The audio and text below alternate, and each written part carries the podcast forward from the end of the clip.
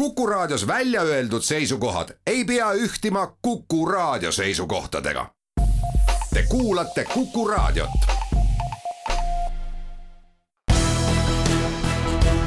olukorrast ajakirjanduses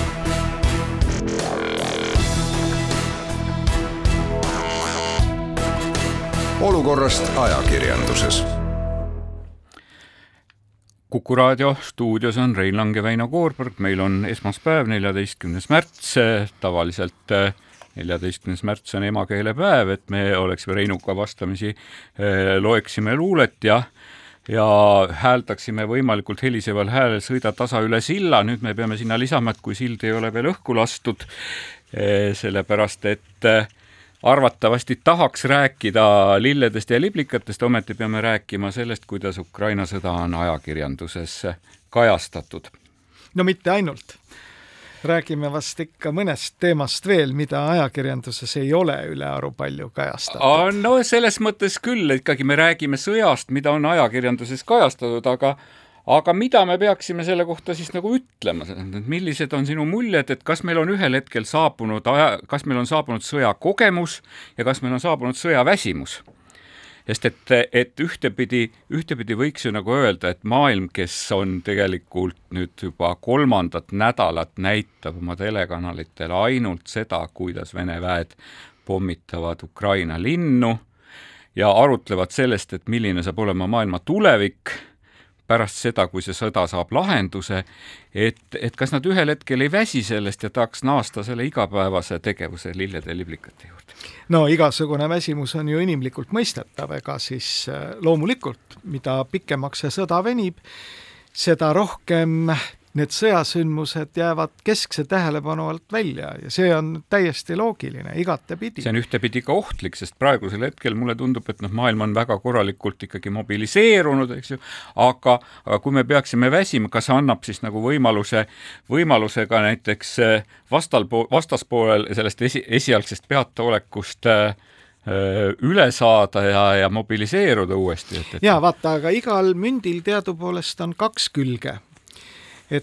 täna mattuvad kõik võimalikud äh, uudised ja ka muud infooperatsioonid mattuvad sõjauudiste alla ära. nii et kui sa ka üritad mingisugust kapitaalset sigadust kokku keerata siin, äh, kasutades ära avalikku arvamust, siis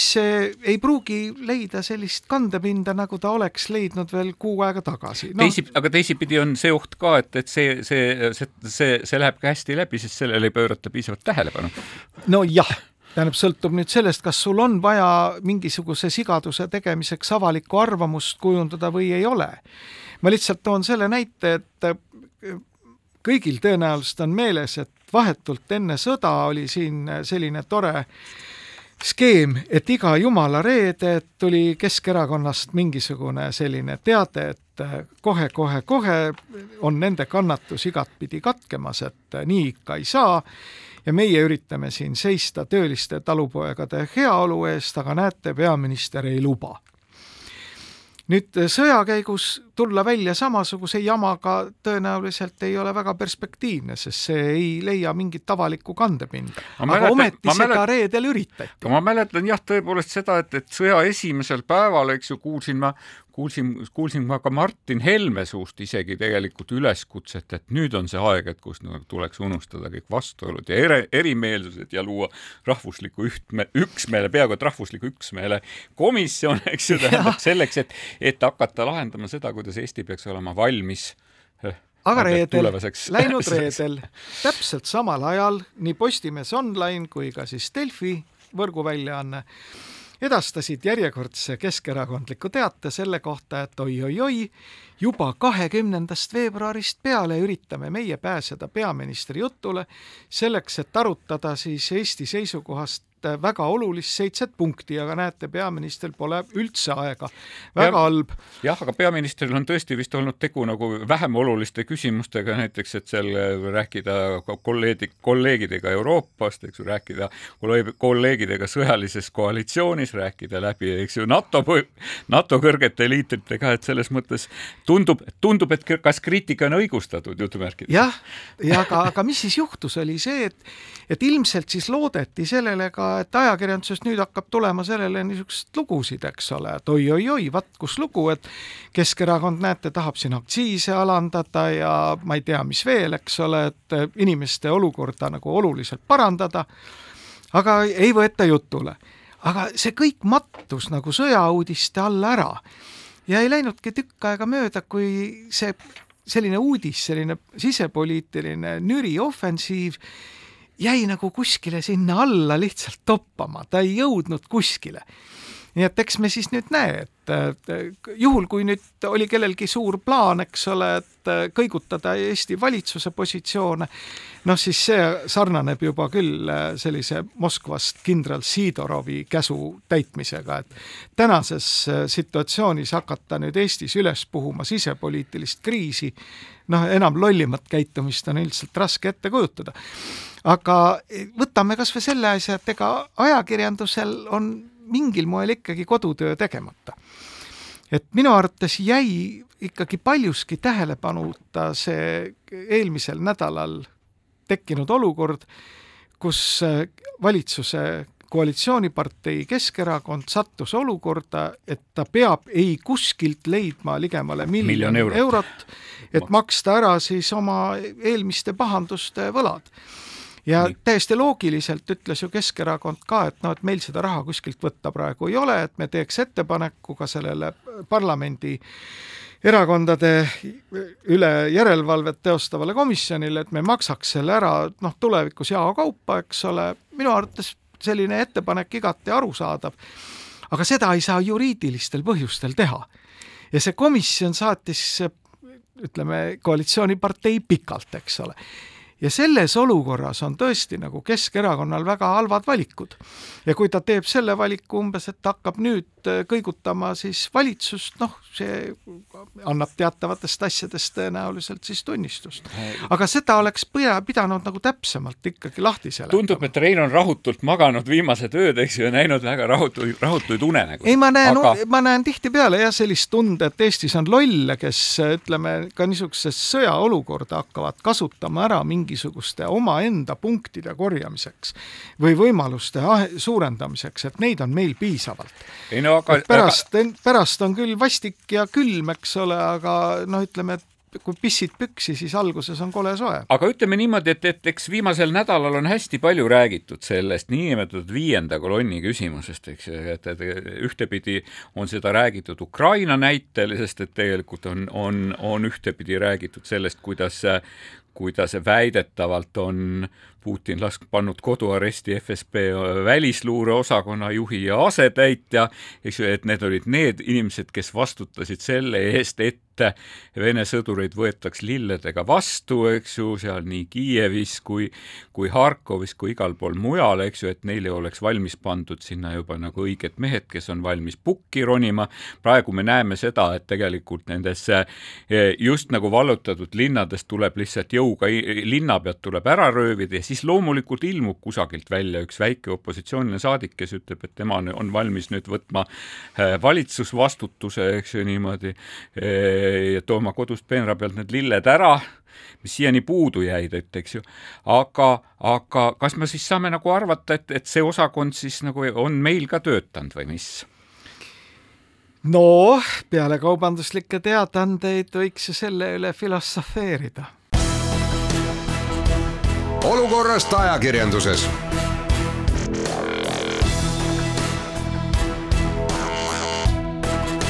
olukorrast ajakirjanduses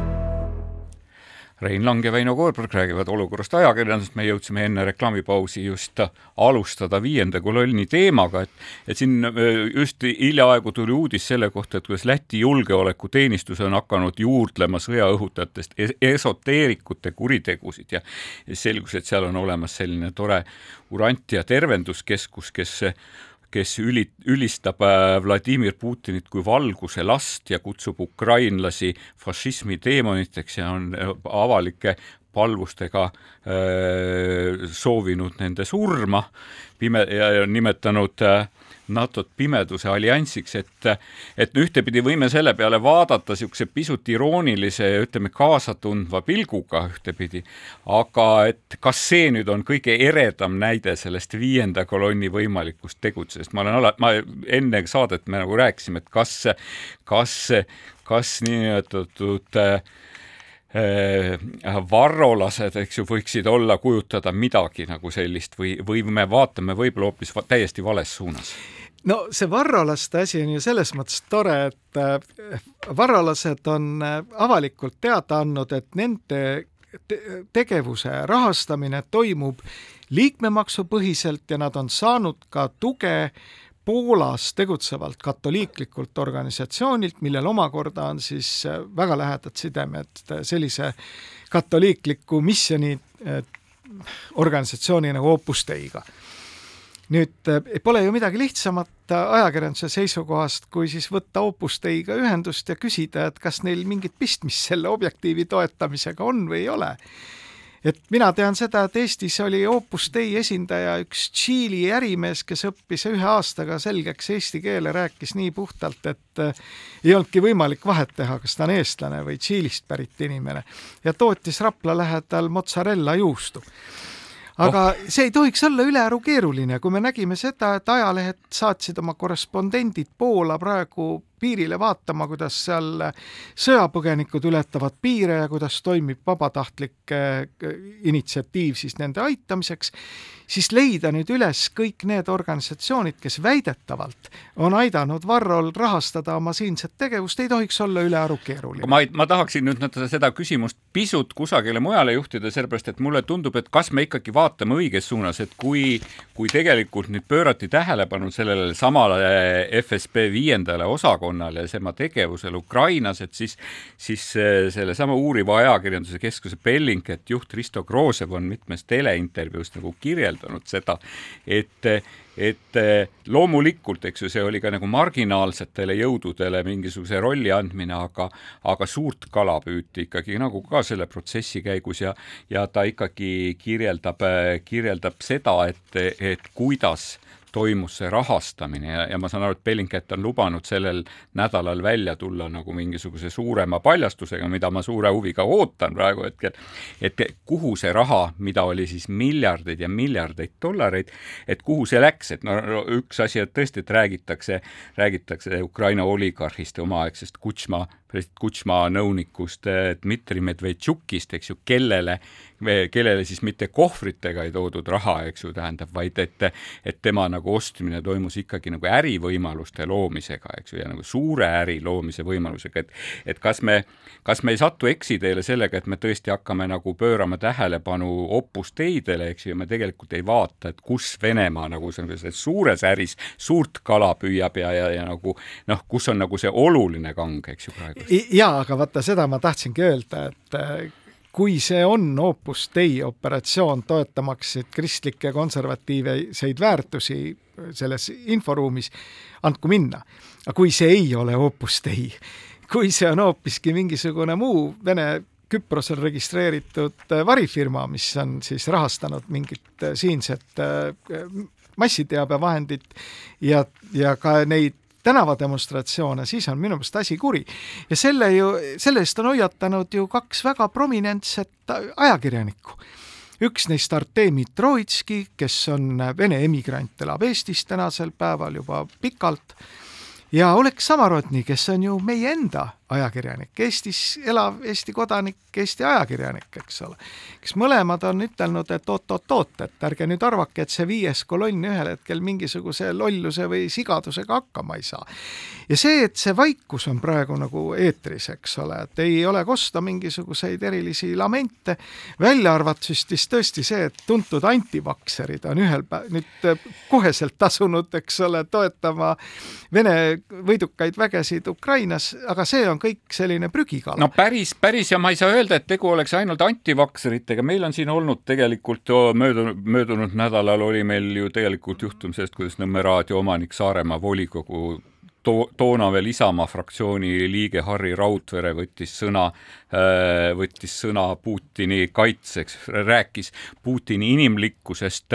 Ukraina vallutamisel, et kuidas ta nagu inimlikkusest, eks ju, tähendab, ta oleks võinud ammu maatasa teha, aga kuna ta on nii hea ja inimlik, siis see kõik on hea ja ja ta rääkis ka seda, et NATO laienes sinna, kuhu ta poleks pidanud laienema ja et Gruusia sõjas Putin lihtsalt läks appi appi ja rääkis sellest, kui, milline röövel ja vägistaja on Ukraina põlla, põllumees ja nii edasi ja nii edasi. et see oli nüüd nagu algus, see ütleme, sai, see sai siis vastulöögi tõepoolest, eks ju, avaliku vabaduse ja fraktsioonist väljaviskamise näol, eks ju, aga kas ta oli ainukene? et oleme kuulnud ju tegelikult neid sõnavõtte küllaltki, ütleme neid pro pro-Russia sõnavõtte, eks ju, ka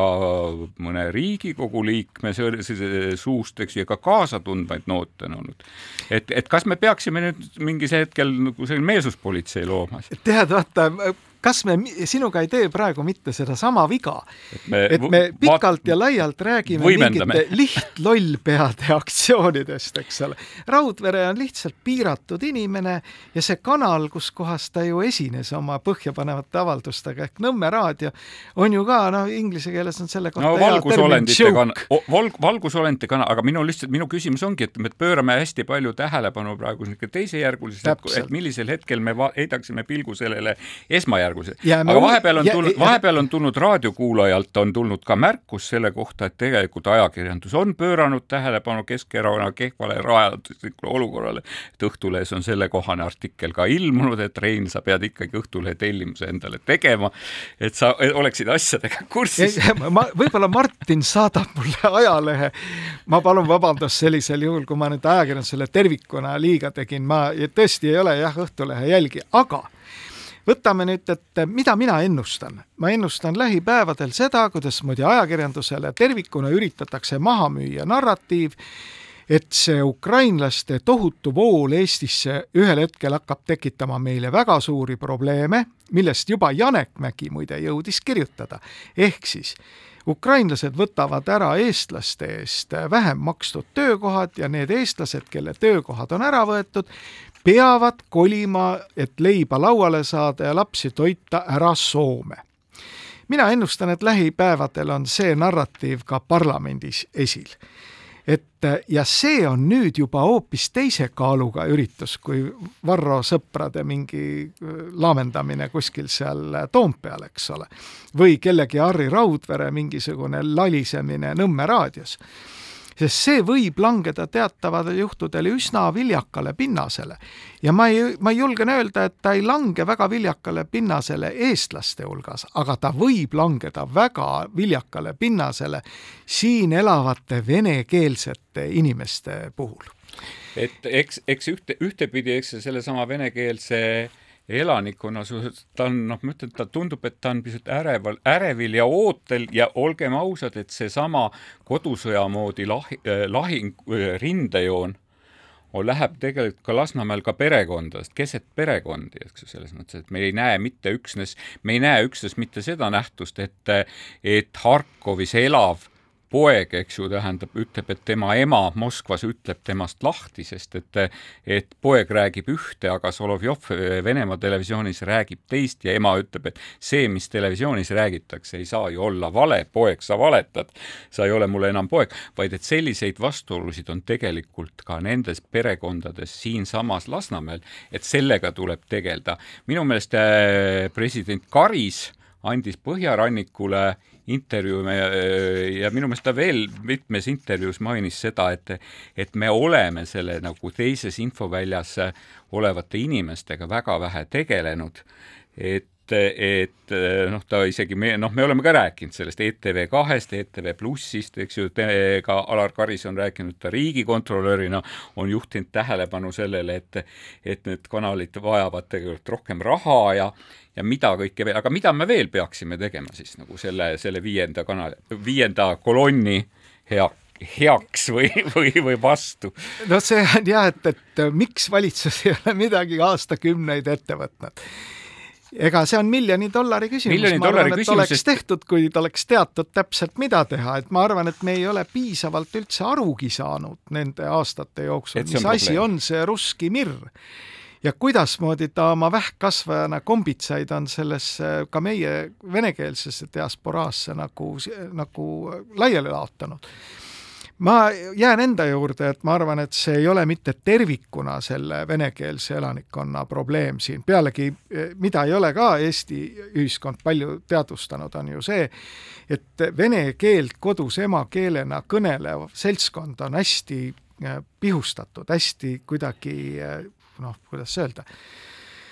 väga erinev, seal on hästi palju Ukraina juurtega inimesi, Valgevene juurtega inimesi, igaste vähemusrahvaste juurtega inimesi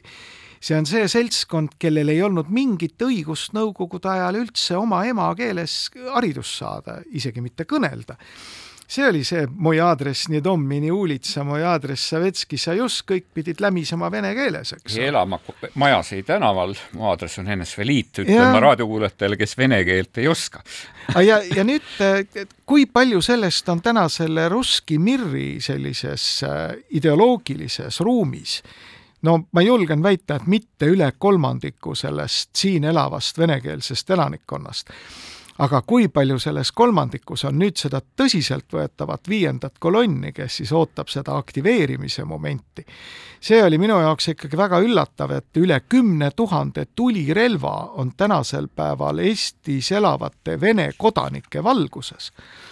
Nii et kujuta nüüd ette, kümme tuhat tulirelva kas, kui palju nendest äh, ei ole mitte jahirelvad, vaid tegelikult relvad, millega on käidud lasketiirus taktikalist laskmist harjutatud? Ja mis siis saab, kui ühel hetkel nad leiavad nii-öelda sihtotstarbelist kasutamist, nii et jah, see viienda kolonni teema on kindlasti äärmiselt terav. Valan natukene õli tulle, sellepärast et äh, Andres Reimerilt ilmus artikkel samamoodi, kus ta kutsus üles äh, jõuliseks deputiniseerimiseks Eestis ja ta toob seal küll andmed, ma ei ole neid andmeid algallikast kontrollinud, aga ütleb, et turu-uuringute küsitluse andmeid tõlgendades võib teha järelduse, et ligi sada kuuskümmend tuhat Eesti elanikku usaldab Venemaa meediakanalite kajastust Ukraina vastasest sõjast ja ligi kolmsada viiskümmend tuhat Eesti elanikku ei toeta Ukraina põgenike vastuvõtmist. et selle üle me mõtiskleme kohe pärast reklaamipausi olukorrast ajakirjanduses.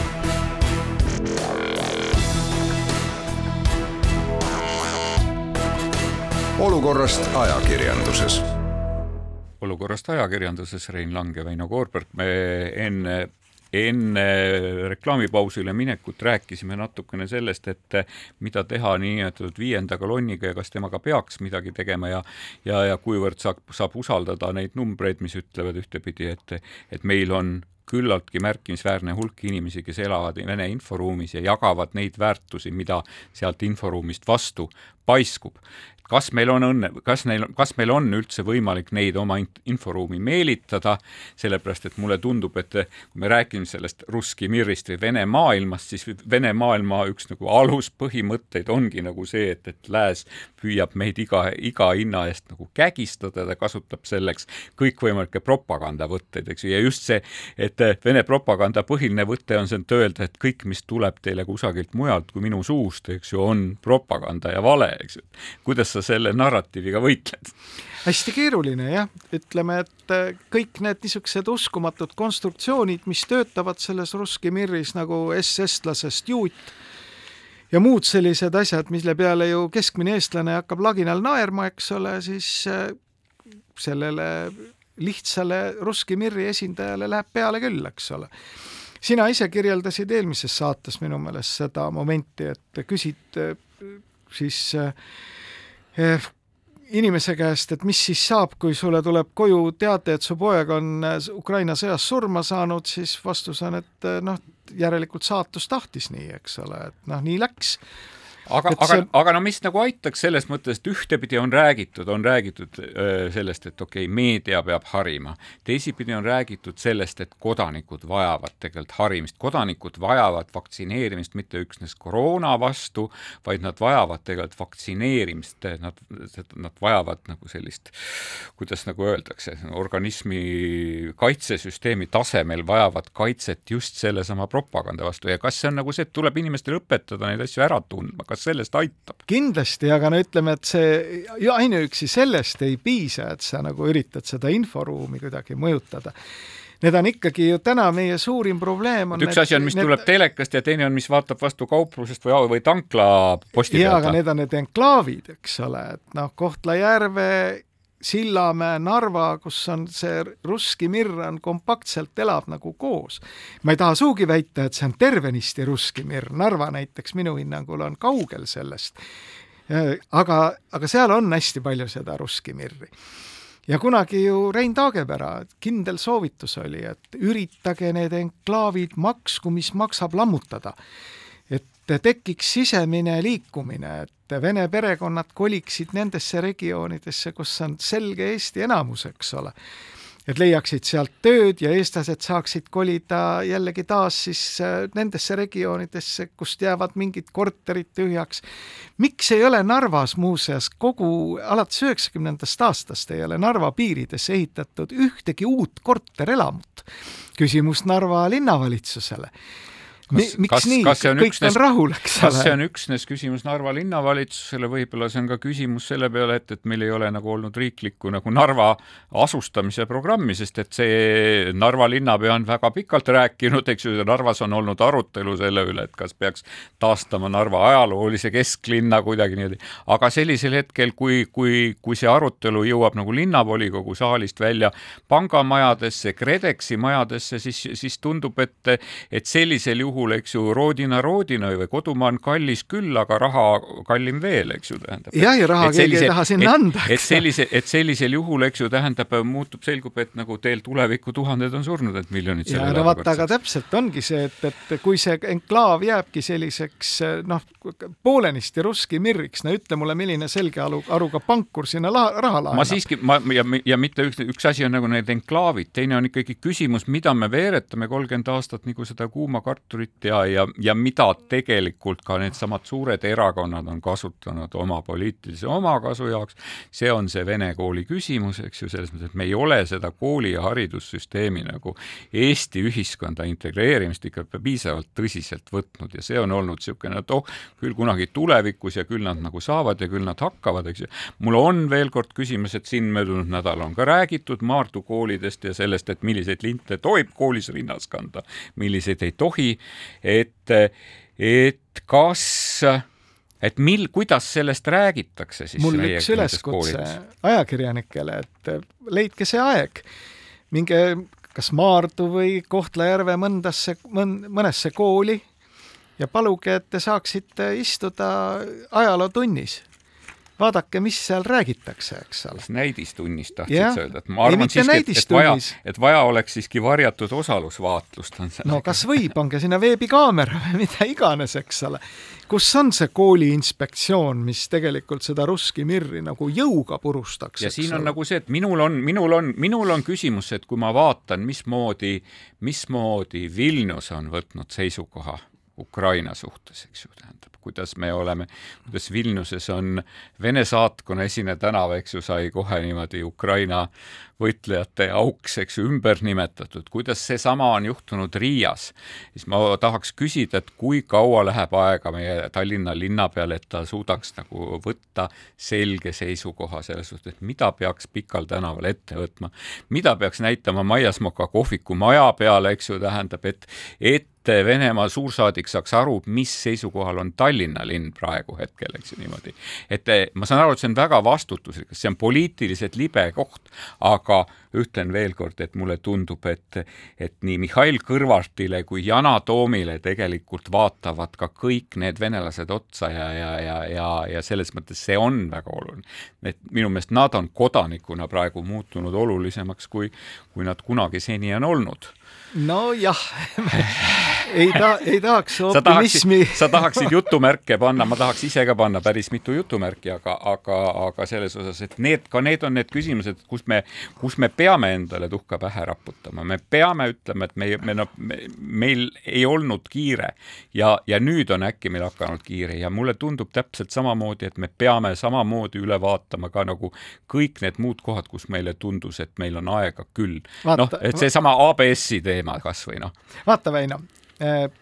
siin on Mihhail Kõlvart, Tallinna linnapea, on pikka aega olnud sellisel seisukohal koos Yana Toomiga,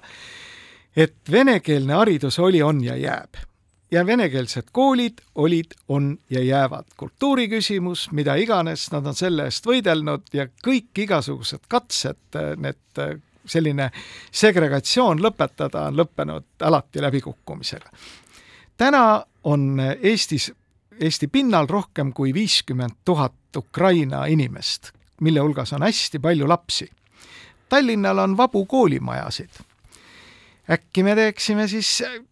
Mihhail Kõlvart, kes räägib, et on väga oluline, et lapsed kasvaksid oma kultuurikeskkonnas, äkki Mihhail Kõlvart teeb siis ukrainakeelset kaks põhikooli Tallinnasse. maast madalast, õpetajad on ka olemas, kes nende lastega koos on tulnud. kui ta ei tee, siis on järgmine küsimus talle, et miks ukraina keel on halvem kui vene keel, milles see probleem on? nii et minu arvates peaks linnavalitsus praegu väga tõsiselt mõtlema, et kumb variant siis nagu töösse läheb, kas nagu ühtne eestikeelne kool või on meil siis tulevikus ka ukrainakeelsed koolid maast madalast. aga see, see, mis te ütlete, ABS, jumala õige ja selles kohas on nüüd ajakirjandusel eriline vastutus minu meelest, et sellises noh, praktiliselt sõjaolukorras leidub alati neid, kes tahavad selle arvelt rikastuda. see on täiesti loomulik, ajaloos on teada tuhandeid selliseid fakte et loomulikult me nüüd selles mõttes nägime, et kui Joe Biden kuulutas välja moratooriumi Vene kütustele, eks ju, siis ta lisas sinna juurde hoiatussõnad, et ärge, ärge, et vaadake, et sellest ei saaks nüüd teie omakasu allikas. mida me nägime eelmisel nädalal? me nägime seda, kui posti otsa lausa üleöö ilmusid uued bensiinihinnad, mis olid siis jällegi täpselt üheaegselt, sest on tegemist ju tohutu konkurentsiga, mis olid üle kahe euro. nüüd äh, mina ei ole lugenud kuskilt Eesti ajakirjandusest nagu konkreetseid arvutusi, aga ma olen väga tänulik ühele inimesele, kes Facebookis pani selle arvutuse üles. ma ei ütle tema nime praegu sellepärast, et mul ei ole luba tema nime öelda, aga arvutuskäik järgmine. kahe tuhande kaheteistkümnendal aastal maksis nafta maailmaturul sada nelikümmend kolm dollarit, see on nüüd mingi perioodi lõikes, sada nelikümmend kolm dollarit Eestis maksis bensiin üheksakümmend viis, samal ajal üks euro nelikümmend kuus senti. tol ajal oli bensiini aktsiis null koma nelisada kakskümmend kolm eurot. koos käibemaksuga oli maksude osa siis null koma kuuskümmend kuus eurot. ehk puhas kütuse hind aastal kakskümmend kaksteist olukorras, kus maailmaturu hind oli sada nelikümmend kolm dollarit, oli puhaskütuse hind null koma seitsekümmend üheksa, no ütleme ümmarguselt null koma kaheksa eurot. täna maksab nafta maailmaturul sada viisteist dollarit, mis on oluliselt vähem kui kaks tuhat kaksteist, see sada nelikümmend kolm. nädala rekord oli sada kakskümmend seitse. bensiin üheksakümmend viis siin on nüüd see arvutus on tehtud hinnaga kaks koma null nelikümmend üheksa ehk kaks eurot viis senti. täna, oleme ausad, on see natukene alla kahe euro. bensiini ja üheksakümmend viis aktsiis täna on viissada või viiskümmend kuus senti. nüüd käibemaks juurde, ehk siis äh, selle kahe eurose hinna juures on maksude osakaal kütuseliitrist null koma üheksa eurot. ehk püha, puhas kütuse hind üks koma üks eurot, üks koma üks viisteist. ehk mis on kokkuvõte? nafta hind on kakskümmend protsenti madalam kui kahe tuhande kaheteistkümnendal aastal ja bensiini müüakse meile viiskümmend protsenti kallimalt. selle kohta me oleme, sa ütled, et sa ei ole ajakirjanduses üldse midagi lugenud, ma üht-teist olen lugenud, aga, aga tõepoolest, et see vastab, see vastab sellele ettekujutusele, mida ma olen saanud Rahandusministeeriumit ja Eesti ajakirjandust tarbides, et koroona ajal kütusemüüjad suurendasid oma marginaali ja et nüüd sõja puhkedes nad suurendasid seda marginaali veelgi. et jah, et seda ma lugesin küll ajakirjandusest, aga ma nüüd täpselt ei mäleta, kas kes saab sõna sõna saavad õli äriühingu vennad, eks ole, kes räägivad sellest, et ei no nüüd on küll, nüüd on, nüüd on täielik jama. et nüüd peab riik aktsiisid nulli viima, eks ole, et inimesed üldse jaksaksid kuskile sõita punktist A punkti B ja muud sellist jama, mida siis äh, ajakirjandus võimendab seda me oleme sinuga siin korduvalt rääkinud, et olukorras, kus riigis puudub Konkurentsiamet, mida isegi täna keegi ei ole, ei ole loomas, on ajakirjanduse roll kordades suurem. ja kui ajakirjandus seda rolli ka ei täida, siis meid kooritakse selle sõjaolukorra juures, meilt seitse nahka. ja ega siis sellest saavad ju kõik hoogu et kui kütusemüüjad saavad niimoodi terroriseerida oma kliente, eks ole, siis siis järgmisena jõuab järg Tatra kätte, tahad sa? ei no seda me oleme juba kuulnud, eks ole, et kui nüüd riik kohe jälle midagi ette ei võta ja käibemaksu korjamist ei lõpeta, siis toidu hind tõuseb ja tõuseb enneolematutesse kõrgustesse ja küll leidub ka neid poliitikuid, kes siis kohe ütlevad, et oi, nüüd mina asun rebib särgi lõhki, ütleb, et nüüd mina asun rahva kaitsele. seni, kuni reklaamihinnad ei ole tõusnud, kuulame me mõned reklaamid. Olukorrast ajakirjanduses.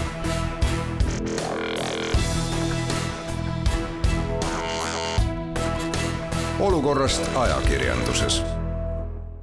Rein Lang ja Väino Koorberg viimases veerandis räägib, ei räägigi rohkem nagu ajakirjandust, me oleme rääkima rohkem Vene maailma, Vene maailmast, viiendast kolonnist ja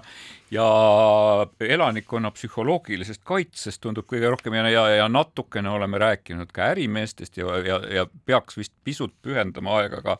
ABS-ile ehk et administratiivbürokraatlikule süsteemile, kes tegelikult kriisiolukorras peaks nagu ennast korralikult õlitama ja ümber häälestama, et kas ta seda teinud on no siin on olnud häid materjale muidugi, mis seda ABS-i ilusasti on kajastanud, näiteks meie valmisolek võtta vastu põgenikke, sellest tegelikult raporteeriti juba siis, kui Valgevene põgenikekriisi käivitas, eks ju niimoodi, et, et mulle tundub, et kas see, kas see valmisolek on olnud siis nüüd nii libe ja lobe, nagu me oleme oletanud? no ega nüüd oletada, et selliseks olukorraks saab üks või teine riik valmis olla, on ka naiivne, et noh, et see on täitsa loomulik, et tekib siis segadus aga noh, tore materjal oli minu meelest oli Rahvusringhäälingus selle kohta, kuidas siis Tartusse on, ilmus ootamatult hästi palju põgenikke ja Tartu linn oli igati valmis selleks, majutas nad hotelli ja mõni koht jäi isegi vabaks, aga oli oht, et tegelikult vajadus tuleb lähipäevadel suurem. ja siis toimus sõnavahetus Tartu abilinnapea ja Sotsiaalkindlustusameti vahel, kus Sotsiaalkindlustusameti ametnik ütles otse kaamerasse, et ei noh, ega siis nüüd nii ka ei saa. et me peame nüüd läbi viima hanke, mis tõepoolest Eesti seaduste järgi ongi nii, et kui on vaja kedagi majutada, tuleb läbi viia hange seda peale... võiks, seda võiks siis veel kohtute ohtutes vaidlustada ja ma arvan, et kolme aasta pärast me jõuaksime kõiki pooli rahuldava tulemuseni. no see oligi, et abilinnapea Mihkel Lees selle jutu peale loomulikult väljus maalähedasele orbiidile ja ütles, et kuulge, kuulge, et et äkki nüüd kuidagi selle bürokraatliku poole lahendaks ära, et kõigepealt paneks inimesed magama. mis on jumala õige seisukoht, et tegelikult ajakirjandus täna peab ka tõesti vaatama, et, et niisuguseid jaburaid eh, bürokraatlikke takistusi ei tehtaks kui on kiirelt vaja tegutseda, siis tuleb tegutseda. minule väga meeldis see otsus, et kui Sotsiaalkindlustusametis ilmusid, ilmnesid noh, otsustavad tõrked tegelikult kogu selle asja korraldamisel, mis on ju arusaadav, tegemist on sotsiaalkindlustusega tegelevate inimestega, siis politsei võttis selle töö kohe üle, eks ole seal on selged käsuliinid, tuli mees kohale, ütles, sina teed seda, sina teed seda, sina teed seda. ja tänaseks see värk nagu töötab. mis edasi saab, noh, see on juba järgmine dilemma. kas nüüd ajakirjanduse roll peaks olema paanikat külvata, eks ole, nii nagu Janek Mägi äh, kirjutab südantlõhestava loo sellest, kuidas, muide, tegemist on endise ministriga kes siis kirjeldab seda, et mis saama hakkab, et ukrainlased, kes jäävad siia, võtavad ära siis eestlaste eest madalamalt makstud töökohad ja eestlased peavad Soome kolima noh, selliseid armagedoone, ma arvan, ei ole väga põhjust täna nagu äh, levitada, et pigem on see levitamine jällegi selle viienda kolonni ülesanne. Soovimata nüüd kuidagi kedagi silditada, et, et lihtsalt äh, möödunud, äh, möödunud nädalal me rääkisime, me rääkisime natukene telekanalist RBK ehk Venemaa ärikanalist, eks ju, ja me peame nüüd tunnustavalt ütlema, et Telia otsustas, et, et iseseisvalt otsustas, et arvatavasti kanali sisuga tutvudes, et, et tegu ei olnud pelgalt äriuudistega, vaid sellesama Vene sõjapropaganda levitamise kanaliga ja otsustas, et nad tõmbavad selle kanali juhtme seinast välja. no võttis tükk aega aega, et üles leida sealt menüüst see kanal ja vaadata. aga ütleme niimoodi, et, et ma saan aru, et sellele sõjale ongi olnud iseloomulik, üks asi on olnud iseloomulik nagu riiklike sanktsioonide olemasolu, et riigid kehtestavad sanktsioone ja teisipidi on siis see, et, et tegelikult, et võim, et äriühingud ise on võtnud nagu võimu enda kätte. no me näeme seda, seda lõputut Venemaalt ärakolimise rida, me näeme tegelikult ka niisugust kahepalgelist ja silmakirjalisi, silmakirjalikke avaldusi, me peatame oma tegevuse, me müüme ainult piiratud valikut tooteid, eks ju, tähendab, me ei paku teile oma uudistooteid ja nii edasi ja nii edasi, et et et eh, sõja pealt on ju tegelikult alati hästi teenitud, et, et kas me peaks nagu, kas ajakirjandus peaks sellele teemale nagu siin ka tähelepanelikumalt silma? no absoluutselt, absoluutselt, kõik need igasugused huvitavad hinnatõusud, millel ei ole arvestatavat põhjendust, on ju lihtsalt katse, eks ole, kasutada ära mingit momentumit ja see on ajakirjanduse põhiülesanne tegelikult kaitsta seda lihtsat inimest, eks ole, sellise omavoli eest nii riikliku omavoli eest kui ka siis selle turumajandusliku omavoli eest, see ongi selle turumajandusliku loogika alus. Ukraina kooli idee me käisime juba välja, eks ju, loodetavasti Tallinna linna võttis, võttis selle kuulda, et kui kaugel võiks olla ukrainakeelne raadiojaam, et ma saan aru, et tegelikult eh, Postimees on eh, alustanud ukrainakeelsete uudistega, tegelikult Ukraina telekanal on lülitatud ERR-i Jupiteri portaali, eks ju, ühes, ühes telekanaliga Modern Time, kus eh, saavad siis tegelikult venelased äh, venekeelset uudist Ukraina sõja kohta, ütleks siiski ajakirjandusena tegutsevast telekanalist, eks ju no,. et kas raadiojaamani läheb kaua aega ma ei kujuta nüüd ette, kui paljud nendel, kui paljudel Ukraina põgenikel on olemas sellised seadmed, mis võimaldavad tegelikult reaalajas jälgida mingisuguseid portaale. ma arvan, et ikka väga paljudel on aga raadio on tõepoolest üks selline täiesti lollikindel meedium. FM-sagedusel need äh, riistad, mis seda vastu võtavad, maksavad mõne üksiku euro. ja ütleme niimoodi, et BBC, BBC venekeelne, venekeelne talitus otsustas taastada ka kesklaine alal oma, oma saatjate tegevuse ja, ja need, mis on suunatud Venemaa poole, eks ju. jah, jääme huviga ootama, kas nad õhku ka lendavad seal Narva kandis. et, et aga selles mõttes, et venekeelne raadio ja kuidas me veel saaksime siis kuidagi nagu selles olukorras äh, seda äh, ahenevat infovälja kuidagi kompenseerida, et ma saan aru, et tegelikult päris mitmed ajakirjanikud on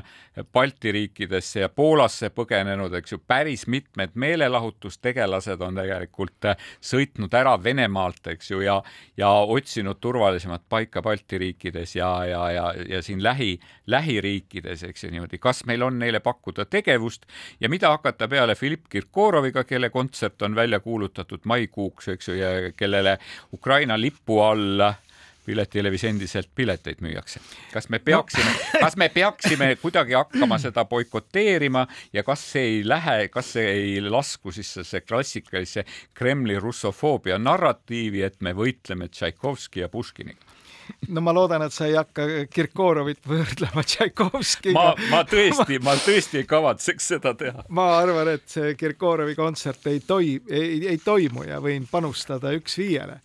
sellele, aga mis saab jah, sellest vene kultuuriruumi äh, kõikvõimalikest ilmingutest Eestis lähiajal, see on äh, väga keeruline küsimus. ja mis saab ka vene haridusest, et Tšaikovski ma saan aru, et tegelikult on, on, on, on vaidlus tekkinud ka selle üle, näiteks Tartu Ülikooli otsuse üle, eks ju, mitte võtta vastu tuleval õppeaastal Vene ja Valgevene kodakondsusega tudengeid. no ütleme raadiokuulajale lihtsamalt seda saab seletada, mina võin seda öelda, ülikoolil on seda keerulisem öelda, et äh, ei ole mõtet koolitada Eesti maksumaksja raha eest FSB-le ohvitsere, eks ole nii et äh, selles mõttes see otsus mitte võt-, vastu võtta nüüd ajutiselt tudengeid Venemaalt on minu arvates ülimalt ratsionaalne, ega ootame, vaatame, olukorrad võivad muutuda, eks ole. nüüd, mis puutub neisse Vene meelelahutajatesse, kes nüüd ilmselt otsivad mingisuguseid teenimisvõimalusi läänes Ukraina lippu lehvitades, siis selles osas ma soovitan olla kõigil väga ettevaatlik. et äh, Alla Pugatšova minu pärast võib seal Iisraelis edasi olla, ta on Eestis piisavalt esinenud. ma ei julge Alla Pugatšovale muidugi veel midagi ette heita, sest Alla Pugatšova on siiamaani ja eriti Alla Pugatšova abikaasa Maksim Kalkin on näidanud üles ainukese, ühe vähestena näidanud üles kodanikujulgust ja selle sõja hukka mõistnud, aga meie saade on siinkohal hakkab läbi saama, uuel nädalal uued uudised kardetavasti endiselt Ukraina rindelt. meie aga saadame tervituslaulu vennaskonna saatel Leekides on Ukraina kohtumiseni nädala pärast Thank you.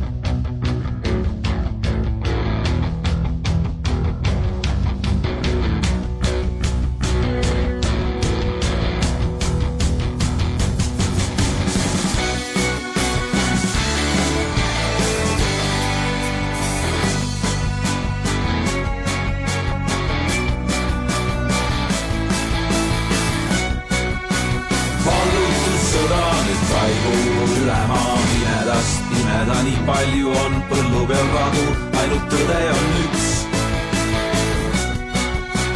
maailma üle veel väike,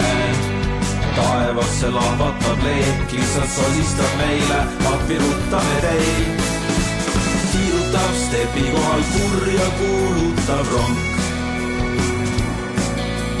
tiirutab stepi kohal kurja kuulutav rong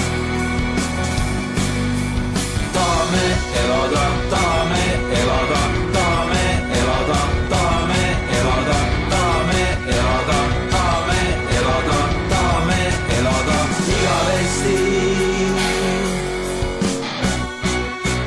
piitsutab ärevat vihma, vabadusvõitleja teel leekides on Ukraina, siiski lootust on veel, siiski lootust on veel. leekides on Ukraina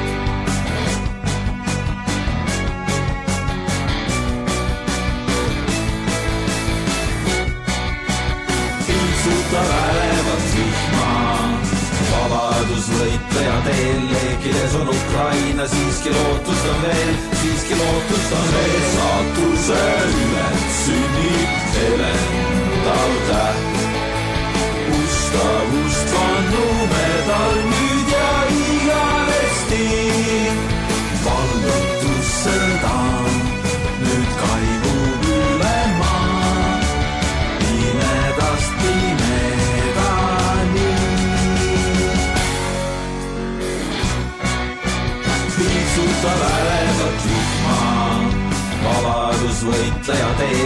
leekides on Ukraina, siiski lootust on veel, siiski lootust on veel.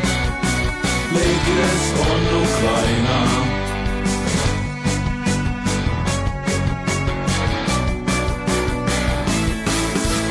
tiirutab stepi kohal kurja kuulutav rong. tiirutab stepi kohal kurja kuulutav rong.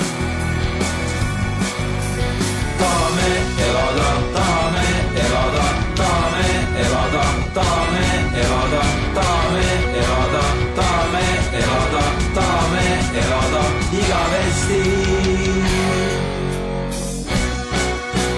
leekides on Ukraina.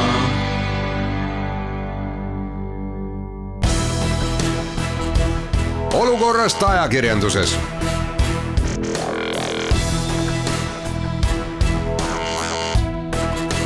Olukorrast ajakirjanduses